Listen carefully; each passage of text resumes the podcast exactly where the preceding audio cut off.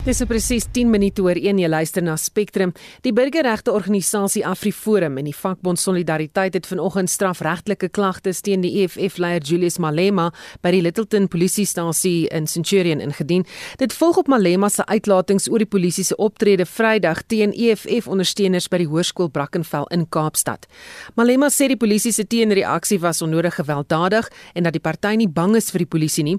Die hoof van beleid en aksie by AfriForum, Ernst Root, sê dit is duidelik dat Malema steeds glo dat hy bo die reg verhewe is.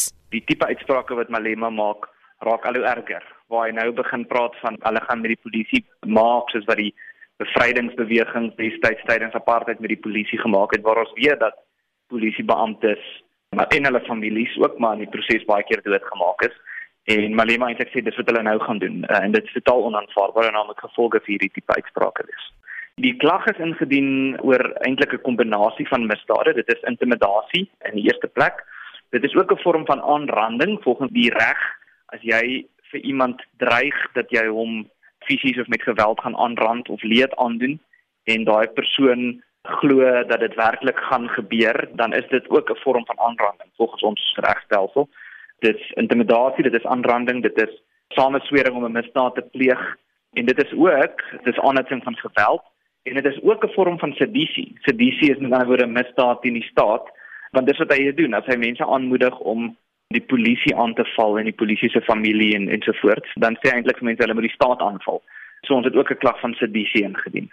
As hierdie saak nie vervolg of hanteer word nie, dan sal ons privaat vervolgingseenheid betrokke raak en en eintlik dan nou ultimatum stel deur die howe om te sê as die vervolgingsgesag hom nie vervolg nie, dan uh, soek ons 'n hofbevel wat dit bevestig sodat ons hom privaat kan vervolg. Dit was Ernst Roos die hoof van beleid en aksie by AfriForum. Die minister van polisie, Bekkie Cele en die polisie vakbond Popkroe het intussen ook Malema gekritiseer, maar die EFF sê Malema is buite konteks aangehaal. In 'n uh, vir sy reaksie praat ons nou met Dr. Johan Burger, 'n konsultant by die Instituut vir Sekuriteitsstudies. Goeiemôre Johan. Goeiemôre Susan. Wat dink jy van Malema se uitlatings oor polisiebeamptes se optrede tydens betogings?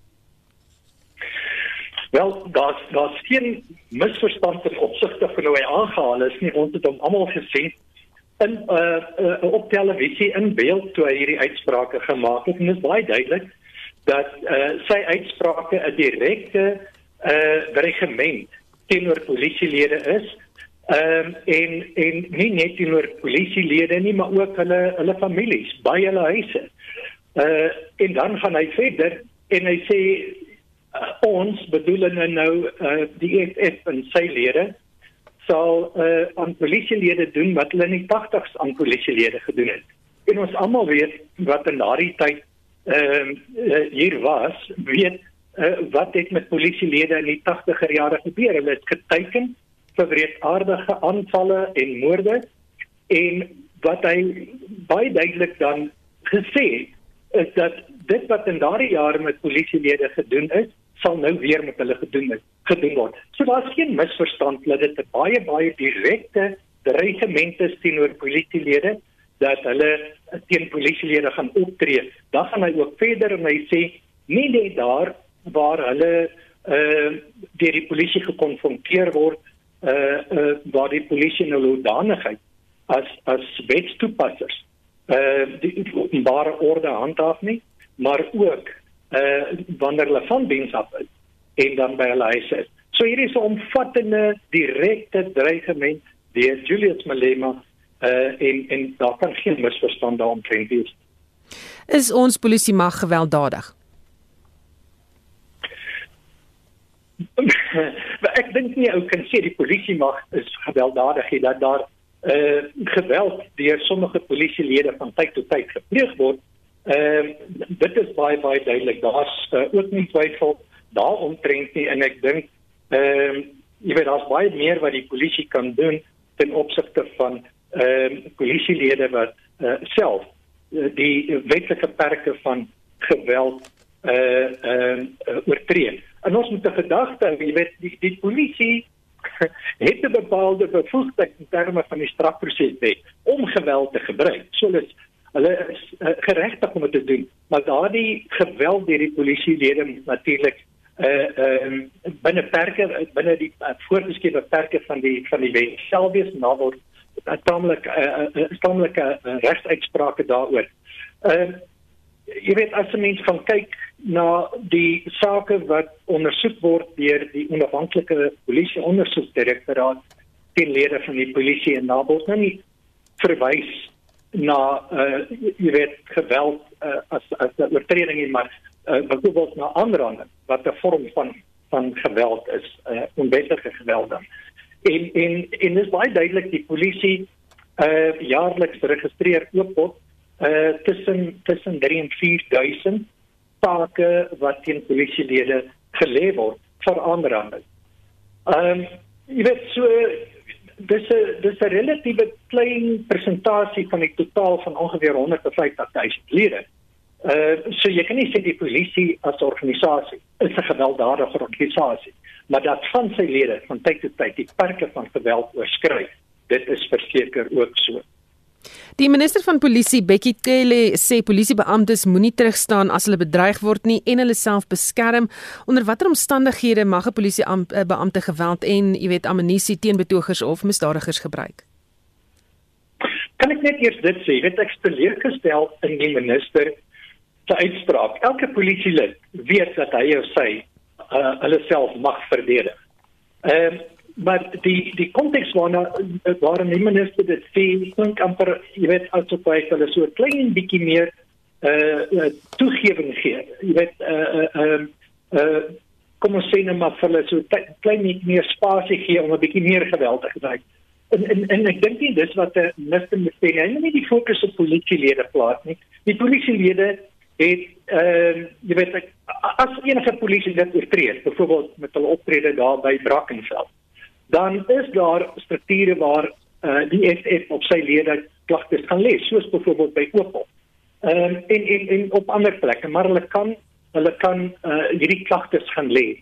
Wat die minister moet op fokus is nie die polisie lede se reg om hulle self te verdedig nie. Dit word deur wetgewing voorgeskryf. Ehm um, en natuurlik ook gemeenregtelike bepalinge ten opsigte van noodweer en so. Wat die minister op moes gefokus is wat gaan hy as minister en die kommissaris van polisie doen ten opsigte van Julius Malema se uitspraak die regimente. En jy weet om te sê hy uit uit 'n lyn oorgesteek en om te sê dis onverantwoordelik en en daai is nie goed genoeg. Die minister moet hom sê jy het uh uh die reg oortree deur hierdie uitsprake van jou en ek gaan uh verseker dat hier ondersoek gedoen word en dat kriminele klagtes teen jou ingebring word. Nou laat die minister dit oor aan organisasies soos Afriforum Solidariteit en ek sien die Vryheidsfront het ook 'n klagte gelê. So hy laat dit oor aan daardie organisasies, burgerlike organisasies en 'n politieke party om kriminele klagtes te doen. So, jy weet die minister moet baie baie meer gedoen het as net vir hom te sê jy het nou 'n bietjie te ver gegaan. Baie dankie. Dit was Dr. Johan Burger, 'n konsultant by die Instituut vir Sekuriteitsstudies. Die verslag wat gebeure ondersoek het tydens die Marikana slagting in Augustus 2012 is steeds nie bekend gemaak aan die publiek nie. 'n Spesiale onafhanklike ondersoekkomitee is destyds aangestel om die gebeure te ondersoek en om met planne vorendag te kom wat suits in die toekoms sou verhoed. Die verslag is 2 jaar gelede reeds gefinaliseer. Die afdelingshoof van regeringskunde, justisie en misdaad by die Instituut vir Sekuriteitsstudies, Gareth Newham sê, dit is baie belangrik dat die inhoud van die verslag openbaar gemaak word. This report is probably the most recent and comprehensive diagnosis of the challenges facing not only the police in terms of what they need to do in South Africa, given the crime challenge we face, but also the internal organizational challenges that they face. And based on two years of exploring that in a lot of depth with the South African Police Service, we had five top generals on the panel, 17 other people came to conclusions and consensus about what the key challenges were, and then came up with a whole lot of practical recommendations on what needed to be done to fix policing so that not only would policing improve, but it would become more effective in fighting crime and improve public safety. So this report is pretty important. Neum sê die inhoud van die verslag kon baie lewens gespaar het. We looked at you know a lot of detail about police leadership, about how police are appointed, promoted, We looked at issues of accountability and discipline. We looked at training. We looked at resourcing. So it really was, um, you know, looking at the world's best practice because it was a panel consisting not only of South Africans but international policing experts from a range of different countries, and coming up with uh, ways in which, if practical recommendations were implemented, we should see quite big shifts in improving policing. So it's not political, it's not about politics, it's just about when we look at the last you know, couple of hundred years of policing experience, what does the world have to offer us in terms of what we can do to massively improve our policing in South Africa given the massive crime challenges there. Neum sê dit is die minister van polisie Bekkie Cele se verantwoordelikheid om die verslag bekend te maak. So it was uh, the, the panel set up by the cabinet, but the minister of police obviously is responsible for policing. Set was the actual uh, person who set the panel up, and at that point was it was former police minister Nathi and Treko. But by the time the panel completed its work, Becky Taylor was the, the new minister it might be that because Becky Taylor wasn't the one to set up the panel, he didn't really take the report as importantly as he had set it up in the first place. Uh, why we made this call now is because today it was actually supposed to be released to the public. It was on the parliamentary agenda of the Portfolio Committee on Police. So this morning, Becky Taylor was going to appear before the committee, and there's going to be a presentation on how far they had implemented the recommendations of that report. That would make that document then public. And why it's so important at this point is that there's a new police bill the first round of public inputs on the bill closes this week on Friday. That's just for the draft bill that's being processed by the Civilian Secretariat of Police. Next year, this bill will come before Parliament, and then the public will have a second opportunity to make uh, inputs and submissions about the bill. But it's important for this report to be released so the public has a much better understanding of what the challenges are. En dit was die afdelingshoof van regeringskunde, justisie en misdaad by die Instituut vir Sekuriteitsstudies, Gareth Newham. 'n Interministeriële span lê besoek af aan die Nelson Mandela Bay Metro in die Oos-Kaap. Die aantal nuwe COVID-19 gevalle landwyd neem hier die skerpste toe. Punte waar blitstoetse gedoen kan word, word onder meer geloods in die metro. Die span bestaan uit die minister van gesondheid Zwelin Mkhize, asook ministers uh, Nkosazana Dlamini Zuma en Lindiwe Zulu. Verskeie verskeie samesprekings gaan gehou word om die verspreiding van die virus in die provinsie hok te slaan. En vir sy mening hieroor praat ons nou met Dr Kloete van Vuur en 'n infeksie siekte spesialis aan die 3 Militêre Hospitaal in Bloem Bloemfontein. Goeiemôre Kloete. Hallo Susan. Dink jy die besoek deur die ministers gaan 'n verskil maak in die bestryding van die virus in die provinsie?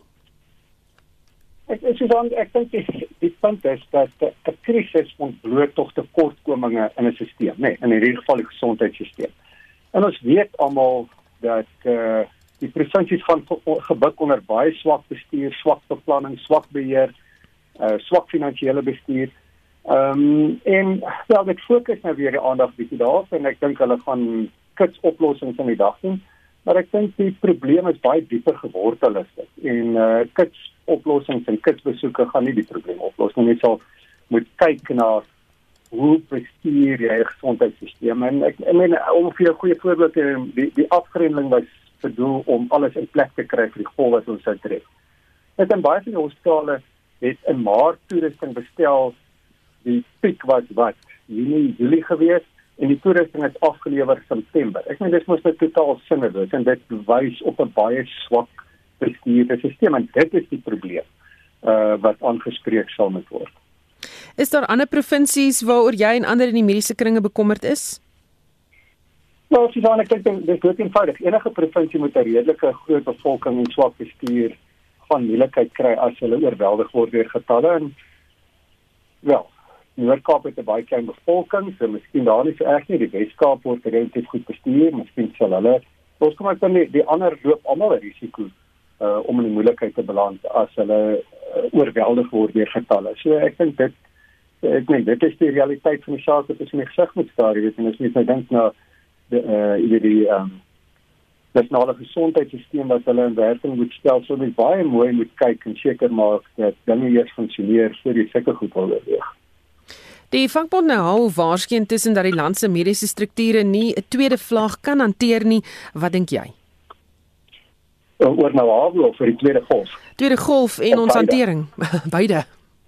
Kyk, dink nee, ek sê maar die kies weet 'n vakbond se primêre doel is tog om om fooie van sy lede te in en dan 'n sekondêre doel en kyk hulle maar bietjie na die belange van die lede sodat die lede hulle fooie betaal. So ek sal nie te veel aan die vakbonde steur wat dit betref nie. Ek meen hulle is definitief nie oplossingsgedrewe nie. Hulle maak vir ons in hierdie epidemie eintlik die dinge net baie moeiliker. Jy weet, ons kry ehm um, pasiënte wat na ons toe verwys word waar verpleegpersoneel en dokters onder aanmoediging van die vakbond of onder beskerming van die vakbond weier om pasiënte te sien omdat hulle sê hulle nie sogenaamd genoeg beskermende klere het nie.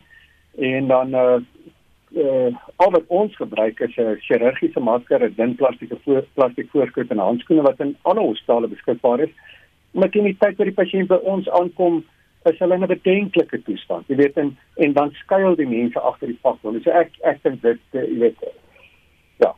Dit ek moet net verder daaroor uitspreek. Die tweede golf betref, want die tweede golf is suiwer uh manifestasie van mense wat hulle nie meer steur en dink dat die virus is nou maar sommer iets nie. Hierdie virus versprei waar mense saamdrom binne huis sonder maskers. Ehm um, en dit is dit is wat ons sien hoekom getalle weer toeneem. Dit neem nie dieselfde ek weet ek praat met 'n kollega van my in Oxford gister. Die eerste golf was in Oxford uh, in Londen. Op die oomblik het hulle feitelik geen pasiënte in die hospitaal nie. Hulle het baie min personeel toegewys aan COVID pasiënte. Terwyl in Engeland waar as jy praat van die tweede golf is dit Liverpool, Manchester die noordelike dele van Engeland. Nou ons gaan dieselfde by ons sien. Dit gaan in dele wees waar daar nie voorheen uh weet in die Oos-Kaap woonbuurte waar daar nie voorheen uitbrake was nie waar mense nou hulle nie steur nie goed nie saamdrom en as dit in die ander provinsies gebeur. Nou ja, dan gaan ons dieselfde sien. As dit nie gebeur nie, dan gaan ons self ligter daarvan afkom. Ek dink hier sal tyd moet weer. Ek dink dit is 'n bietjie uh voortydig om sommer net eenvoudig te voorspel die derde februarie 8:00 die middag van 8:00 die oggend gaan hier 'n massiewe tweede golf losbreek. Ek dink hier moet ons baie versigtig wees en kyk en en mense se gedrag opvolg en en dan besluit wanneer gaan dit gebeur. Dit sou natuurlik baie makliker gewees het as mense nou 'n datum daan kon reg? Goed, ja. daar word veral gegons oor enstowwe wat begin belovend lyk. Frankryk sê jy hulle wil bejaardes reeds aan die einde van die jaar begin inent, maar daar is die wat meen dit is te optimisties. Uh, hoe voel jy tans oor hoe vorder hulle met hierdie enstowwe of enstof eerder? Ja, kyk onthou nou, hulle hulle die drie enstowwe al reeds wat die toetse bewys het goed werk. Nou daai eerste twee van Pfizer en uh, die een van ehm um, Moderna wat baie duur is. Dit gaan omtrent hier tussen 900 en 1000 rand kos. Ehm um, moet teen minus 70 of minus 20 grade gewerk word. Die een van AstraZeneca uh wat in 'n gewone yskas gehou word. Soos al ons ander instowwe. Dit is so tussen 4 en 0 grade Celsius. Ehm um, daai instof kos omtrent 35 rand vir 'n dosis. Tweede ding is, jy moet onthou, hulle het reeds toe hulle hierdie instowwe begin toets het, begin met die vervaardiging. So daar's eintlik al vreeslik baie van hierdie enstof beskikbaar en vervaardig en hulle wag eintlik net dat dit goedgekeur word. So dis die eerste ding. So die enstof is beskikbaar. Elke land moet dan net besluit hoe wend ons dit aan. Net eers die gesondheidsorgwerkers wat met die pasiënte werk of eers die mense wat die hoogste risiko loop soos die ou mense, wie word tweede geïntent en so ek dink dit is baie realisties as Frankryk dink hulle gaan ehm um, in Desember al reeds kan begin en ek ek seker dit gaan gebeur. Ek dink ons moet net besef Ek dit gaan nie net oor die instelling. Dis soos net gesê, almal gaan gelyktydig toegang daartoe kry. Dit gaan geleidelik ingefaseer word.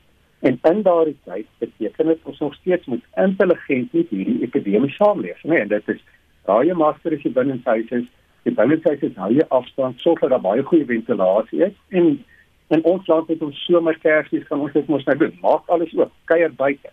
Buite is die risiko baie laag want hierdie ding versprei met met aerosol verspreiding. So ek weet ek dink dit is alles deel van 'n van 'n totale pakket wat ons moet implementeer en dis nie net een ding wat die hele probleem gaan oplos nie.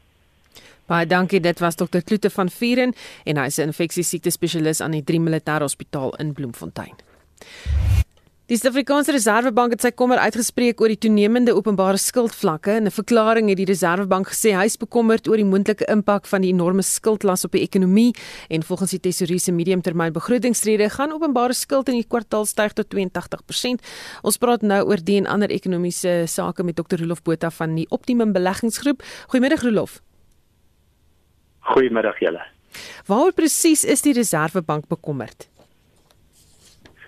Wel, ehm um, ek is net verbaas dat hulle nou uh, die tyd kry om iets wat ons lankal weet en wat in baie besonderhede in die mediumtermynbegroting bekend gemaak is uh om dit nou weer te gaan uh, herkou. Uh jy weet hierdie ding is nou al snyt getrap. Elke land in die wêreld sit op die oomblik as gevolg van COVID met 'n situasie wat staatsskuld as persentasie van BBP toegeneem het. Ons weet dit. Maar die Reservebank liewer moet doen om navorsing te doen oor hoe kan ons ekonomie groei? En een van die maniere waarop ons dit kan doen is natuurlik om rentekoerse nog 'n klein bietjie te verlaag. Dit doen hulle nie. So ek moet nou eerlikwaar uh, sê dat uh, jy weet uh, regtig dis net vir my uh jy weet uh, onnodige verklaring wat hulle uitgereik het.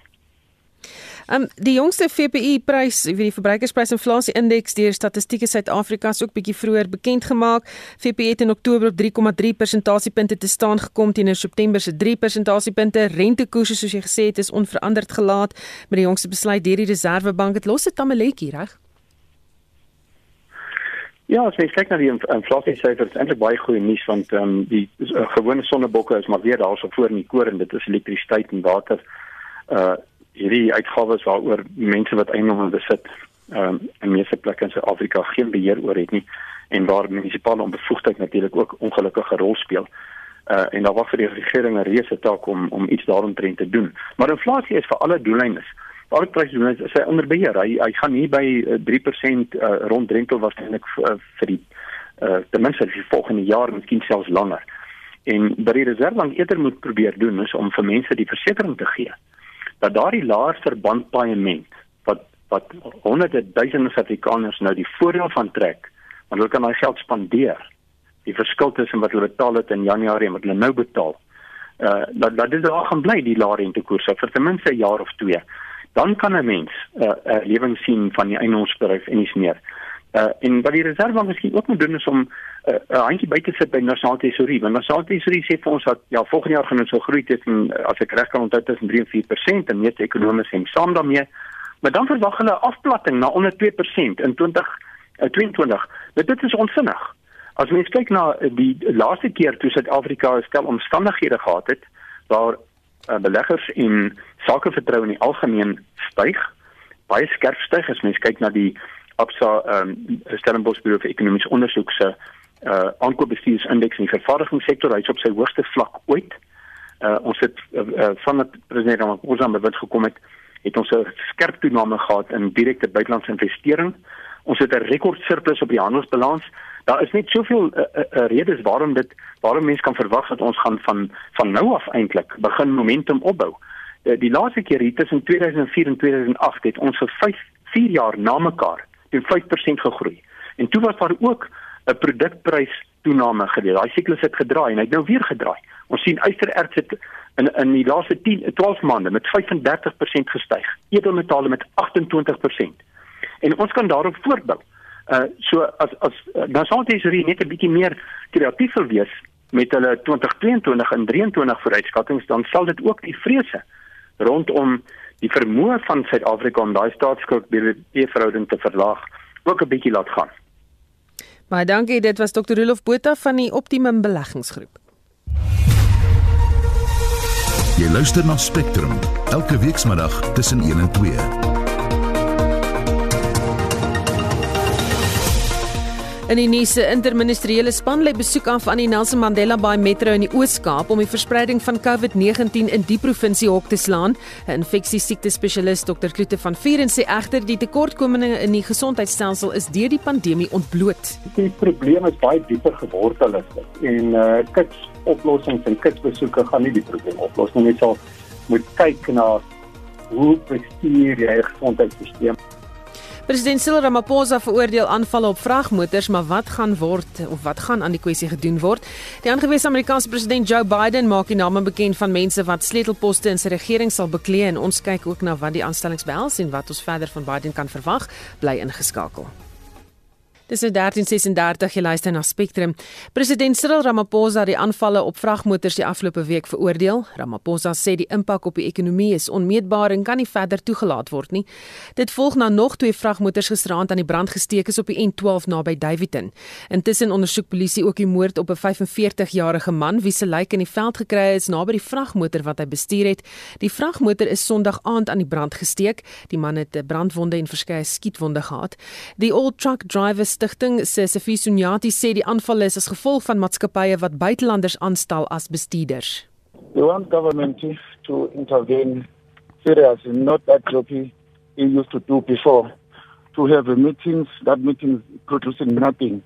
So we want the government to, to put enforcement in trucking industry first, must regulate a transport, and we know who's the owner, who's operating perfect Because here in the trucking industry, there's a lot of people breaking the law, especially truck owners. So we want the government to intervene, to listen truck, truck, truck drivers for South Africa. Because here, the truck owners are the law breaker, are the one creating a problem. Here in South Africa, we are not employed. We are not employed. The truck owners, they tell us straight, we can't employ South Africans. Here in trucking industry, 80%, 90%, 100% to other companies to employ foreigners in our country. What you can call these things? Nyati sê Suid-Afrikaners moet voorkeur kry wanneer dit by werk kom. This is a labor law in, in, in section 38 says state that here in South Africa if you if you're a foreign national you you come to work here with a visa on the scarce skill scarce skill shortage of skill or demand that we need the foreign.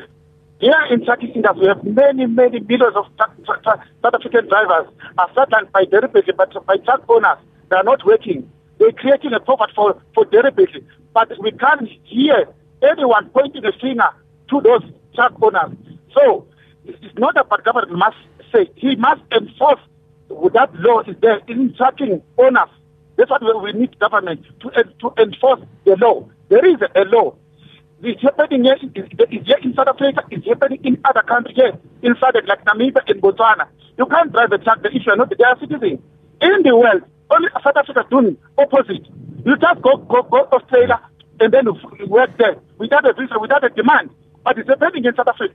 The lawbreaker is a truck owner. Is there section 38 in labor law? Nyati sê verder dat die organisasie nie die geweld wat tans plaasvind goedkeur nie. We condemn violence. We never done violence. As we as ATDF, we never done violence. It's not a violence to demonstrate South African truck owners must employ South Africa drivers. It's not a violence yet. We never done violence. What violence for? Intussen sê die African Solidarity Network dat die aanval op vragmotors en die bestuurders niks anders as xenofobie is nie. Dr Daniel Dunja van ASN sê hierdie optrede deur Suid-Afrikaners weerspieël nie die respek vir menseregte waarvoor so hard geveg is in Suid-Afrika nie. Hy waarsku dat ander lande nie Suid-Afrikaners dieselfde behandel as wat buitelanders hier hanteer word nie.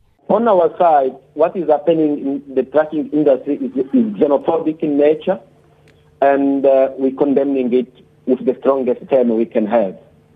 I, I would like to inform my colleagues who are in the truck industry that uh, we have people who came to South Africa as refugees, and these people have right to work and do all activity in South Africa in terms of the law.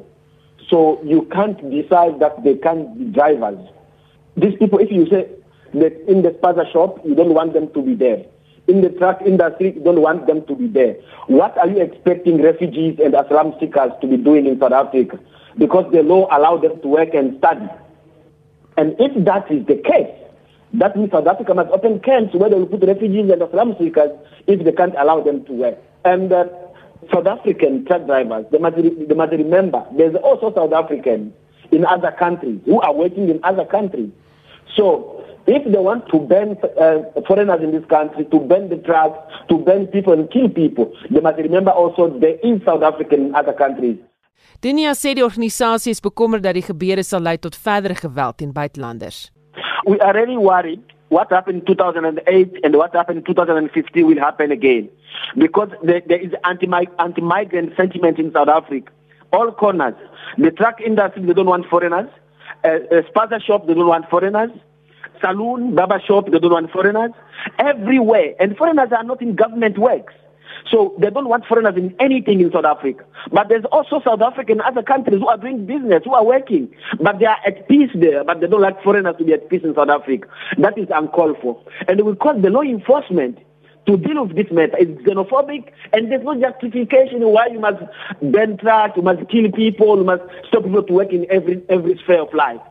You don't want us to drive trucks. You don't want us to have spaza shop. You don't want us to do saloon. You don't want us to be employed in NGOs and other other other in government. So what uh, what South African want foreigner to do? Dit was Dr Daniel Dunia van die African Solidarity Network. 'n Groep buitelanders wat by 'n tydelike skuilings in Winfield in Maitland naby Kaapstad woon, vra die Verenigde Nasies se Hoogkommissaris van Vlugtlinge om dringend in te gryp en hulle te help om Suid-Afrika te verlaat. Die groep sê die bevestiging van hulle wetlike status in die land misluk of word maande lank vertraag. Kobben August het meer besonderhede. Die groep buitelanders het eers op die sypaadjie buite die Methodiste Kerk in die Kaapstad se Sakekern gewoon, na hulle in Oktober verlede jaar by die kantoor van die Hoë Kommissaris vir Vlugtelinge uitgekamp het. Hulle het toe geëis om die land te verlaat weens die vrees vir xenofobiese aanvalle. Hulle is in April vanjaar na die tydelike skuilings in Wingfield geskuif. 'n Woordvoerder vir die groep wat nou uit sowat 800 persone bestaan, Def Malambo, sê gedurende die bevestigingsproses van die departement van binnelandse sake, het hulle net datums vir hulle volgende afsprake ontvang. Hy sê hulle wag nou vir die nodige dokumente om die land te verlaat. After the lockdown and everything happened, we understand that there is a lockdown, the home affairs did not open and no one can get a paper when the department is closed. But right now they come again and we know the home office is not open yet. They come again with the same thing. And people are going and they're still not getting any paper. They are giving them appointment again, which we don't understand. Die departement sê hulle sal die uitslag van die bevestigingsproses kommunikeer na die operasie afgehandel is. Tydens die bevestigingsproses sal die departement van binnelandse sake die buitelanders by die tydelike skuilings identifiseer en hulle status bevestig. Ek is Corbin August in Kaapstad. Dis nou presies kwart voor 2. Ons beweeg na die sportveld met Shaun Jooste. Ons val weg met cricketnuus. Dit is dag 3 van die plaaslike 4-dagreeks se derde ronde. Ten etenstyd was die Cape Cobras op 157 vir 4 in hulle eerste beurt teen die Dolphins. Die Knights was op 183 vir 4 in hulle tweede beurt teen die Lions en die Warriors is vanoggend vir 392 deur die Titans uitgehaal. Hulle het 'n eerste beurt voorsprong van 72 lopies. Die Nieu-Seelander Greg Barkley is aangewys as die internasionale kriketraad se nuwe onafhanklike voorsitter en het 11 van die 16 stemme, insluitende Cricket Suid-Afrika se stem ontvang. Barkley is sedert 2012 direkteur van Nieu-Seeland Cricket en was ook direkteur van die 2015 Wêreldbeker toernooi.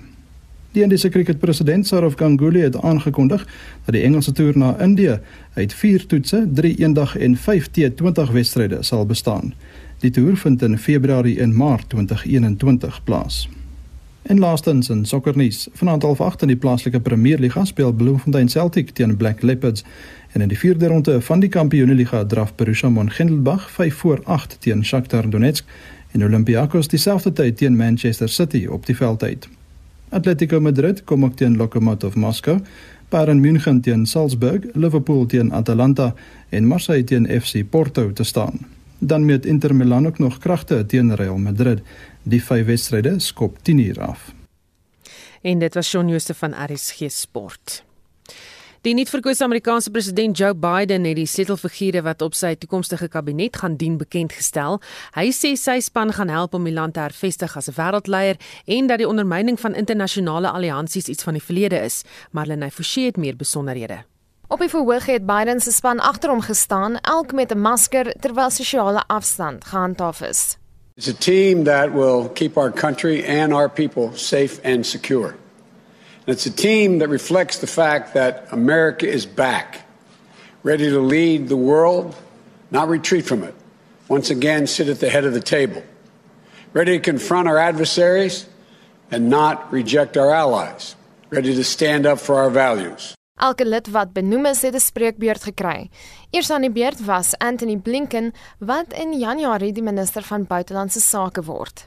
Now, we have to proceed with equal measures of humility and confidence. Humility because as the president-elect said, we can't solve all of the world's problems alone. We need to be working with other countries. We need their cooperation. We need their partnership. But also confidence because America, at its best, still has a greater ability than any other country on earth to bring others together to meet the challenges of our time. Linda Thomas Greenfield is benoem as die FSA se ambassadeur vir die VN. Sy het 35 jaar se ervaring as diplomaat. On this day I'm thinking about the American people, my fellow career diplomats and public servants around the world. I want to say to you America is back. Multilateralism is back. Diplomacy is back. Mr. President elect, I've often heard you say how all politics is personal, and that's how you build relationships of trust and bridge disagreements and find common ground. Alejandro Mayorkas, wat oorspronklik uit Cuba kom, gaan aan die hoof staan van die departement van binnelandse veiligheid. Hy gaan verantwoordelik wees vir die implementering van die land se beleid op migrasie. daarmee saam is Avril Heinz aangewys as die eerste vroue direkteur van nasionale intelligensie en Jake Sullivan as een van die jongste raadgewers wat nasionale sekuriteit betref. Sullivan gaan John Kerry bystaan om Amerika se benadering tot klimaatsverandering reg te ruk. President Joe Biden will trust in God and he will also trust in science to guide our work on earth to protect God's creation. Mr. President elect and Vice President elect Harris, I look forward to getting to work. Die kandidaate moet eers deur die Senaat goedgekeur en in die amp bevestig word na Biden se amptelike inhuldiging in Januarie volgende jaar. Hierdie verslag deur Shawn Bryce Peace, Marlene Forsie, SAK nuus. Ons bly by die storie en vir haar mening hieroor praat ons nou met 'n navorser verbonde aan die Solidariteitsbeweging Trust, Monica Meinhardt. Goeiemôre Monica. Goeiemôre Susan. Hoe verskil Biden se benadering tot die opstel van sy administrasie met die van president Donald Trump? Ja, die Trump se administrasie en veral sy kabinet was verskriklik tekenend van Trump se toetrede tot die politiek self. Trump se administrasie was aanvanklik bietjie moeilik om te pyl omdat daar vers, verskeie lewenslange Republikeinse politici in was, maar sy kabinet was ook verskriklik besigheidsgeoriënteerd. In in sy aanvanklike kabinet was meer as 'n derde van die mense wat hy aangestel het nog nooit in openbare diens nie net hulle hulle lewenslank in die private sektor gewerk en dit is baie tekenend van van Trump se toetrede tot die politiek van hy was ook 'n buitestander en hy was ook nie 'n lewenslange politikus nie en sy kabinet en sy administrasie het dit in 100% um, verteenwoordig en geen gereflekteer waar Biden se administrasie is baie tekenend van Biden se pad self in die politiek. Hy is al byna 'n half eeu lank in die politiek en en die meerderheid mense wat hy se verste kabinet en in sy administrasie aangestel het, is almal ook veteraan politici en beleidsmakers. Dit is meeste mense wat wat met Biden self al 'n lang pad stap, veral mense soos Blinken en en Sullivan wat Biden lankal aan sy aan sy sy hou vir vir raadgewers en so aan. Vir die meeste van die mense wat Biden in sy kabinet aangestel het, is absoluut lewenslange politici. Die meerderheid van hulle het ook verskriklike hoë poste in die Obama administrasie bekleed. So Biden het 'n baie veilige kabinet in daai opsig saamgestel is mense wat hy ken, dis mense wat hy weet van met wie hy gewerk het, wat hy weet hoe hulle gaan optree en so aan. So die die groot verskil tussen die twee is dat Trump se onkonvensionaliteit in sy administrasie en kabinet weerspieël het op Biden se gemaklike lewenslange politieke benadering weer in sy nou weerspieël word. En die groot vraag is dan nou of of hierdie lewenslange politici en die beroepspolitici wat Biden aangestel het, dit gaan wees vir die Amerikaanse mense wil hê veral na die na die groot opskuddings wat Trump hy dit 2016 in daai opsig gemaak het. Hmm. Nou Biden het nog nie al sy benoemings bekend gestel nie en sê hy selfs bereid om Republikeine aan te stel. Hy sê hy wil sodoende eenheid in die regering bewerkstellig. Dink jy dit kan werk? Ja, ons moet nou nog presies uitvind wat in die Senaat gaan gebeur. Ons is nog nie seker of die Republikeine dit gaan behou nie en of die Demokrate dit dalk gaan oorneem en die meerderheid gaan gaan hou in die Senaat nie. Indien die Republikeine wel daarin slaag om op grond van dit in Georgia gebeur die Senaat te behou, gaan dit van absolute kritieke belang wees dat Biden of hy nou wil of nie 'n um, onpartydige administrasie en veral senaat gaan moet bedryf. Anders gaan hy absoluut niks in die volgende 4 jaar gedoen kry nie want indien die republikeine 'n meerderheid in die senaat behou en Biden veral beleidsbesluite wil begin maak waarvan die republikeine nie hou nie gaan hy gaan hy verskriklik daarmee sukkel om dit te voer. So dit hang absoluut van sy politieke oorlewing en sukses af om saamwerking in die regering te kry. Um, sy grootste uitdaging gaan definitief wees om die radikale linkse vleuel van sy party wat glad nie aan onpartydigheid belangstel nie en wat in die voordelende politiek belangstel wat ons wat ons te dusver gesien het om dit te konsolideer met met 'n moontlike republikeinse meerderheid wat Biden dan nou kan keer om om te doen wat hy wil. Meel party van die posisie word nou vir eerste keer in die land se geskiedenis deur vroue beklee. Is hulle die regte mense vir die werk? Ja, so ons sien dat die meeste van die mense, veral wat vroulike wat vroue vroue wat die posisies beklee en etniese aanstellings wat hy gemaak het, is mense wat verskriklik ervare in die politiek is. Dis mense wat al 30 plus jaar um, in verskriklike hoë poste is, veral mense soos Janet Yellen byvoorbeeld is was ook voorsitter van van hulle sentrale bank tussen 2014 en 2018. So dit mense wat absoluut um die politiek ken, die Washington politieke spel en landskap ken. So dit mense wat baie gemaklik is met daai styl van politiek as as dit is die tipe administrasie wat Biden wil bedryf wat dit definitief lyk dan is hierdie mense absoluut geskik vir sy kabinet want hulle is definitief ervare politici en veteraan beleidsmakers. Baie dankie. Dit natuurlik uh, navorsing verbonde aan die Solidariteitsbeweging Trust Monica Meinhardt. Nou, die minister van kommunikasie, Stella Ndabeni Abrams sê haar departement is genoop om betrokke te raak by die afleggingsproses by die SAIK na dreigemente dat verskeie stasies van die lug af gaan bly. Na samesprekings met die betrokke unies en die SAIK raad beklemtoon sy egter dat die regering slegs 'n raadgewende rol speel en nie kan inmeng by die SAIK nie. As much as we appreciate that of course It is reported that about 42% of the budget of SABC goes to the workforce, and indeed there is a need to make sure that we cut on those costs. But there are areas that the turnaround strategy talks to, which were defined by the GTEC on the conditions, as I said. The steps that we spoke about talks to development of a holistic operating model for the corporation. The second element, conduct a skills audit to assist with decisions on the matching and placement of staff in the proposed organizational structure and to guide their training and development. Tydens die vergadering is daar aan die rolspelers gesê om terug te gaan na die tekenbord en die herstrukturering en afleggingsproses te heroorweeg met die uitsaaier se beste belange op die hart. Sy sê 'n inklusiewe benadering is broodnodig. This is why we then sat with Minister Ngisi and the team that we met with in terms of SABC board and management. We said from our side, we are prepared to do what we can do in terms of the reforms that are required including addressing the challenges in terms of the funding model. That again requires SABC not to thumbsuck and say it's a billion rands, it's two million rands, but to say, according to the public service mandate, these are the components that go to it. Identify media assets that can be sold. And as part of doing that, we're able to say, if I do away with these media assets, I'm able, therefore, to generate so much revenue that must then be invested in the business towards what you want to achieve. As you do that, therefore, you're able to say, this is the capability, this is the model that I want to take now, focusing not on the commercial side, but focusing on the public service minded. And when you do that, you should be able to tell us this is the impact. Vir die SAIK om enige bates te verkoop, moet goedkeuring eers toegestaan word deur aandeelhouers wat die regering insluit. En dan Benny Abrams beklemtoon egter dat die staat nie oor die alleenreg beskik nie. Alles moet volgens haar in die stryd gewerp word om die uitsaar se mandaat uit te voer. In this context of SABC being a public service mandate, that must make sure that our people are educated, our people are informed, our people are entertained at all times. Therefore, what are the necessary components that are required for SABC to fulfill that mandate? And this requires, as I said, not only the policymaker or the board, unfortunately. It requires all of us because the board can go up to so far, just like the shareholder can go up to so far, and that's the role of other key stakeholders. It is in this spirit that we are saying, let's all work together Sy het ook kommer uitgespreek dat sommige elemente wat gereelde opleiding vir die opskerp van vaardighede insluit, afgeskeep word. The SABC is about people that are driving the work that it does today.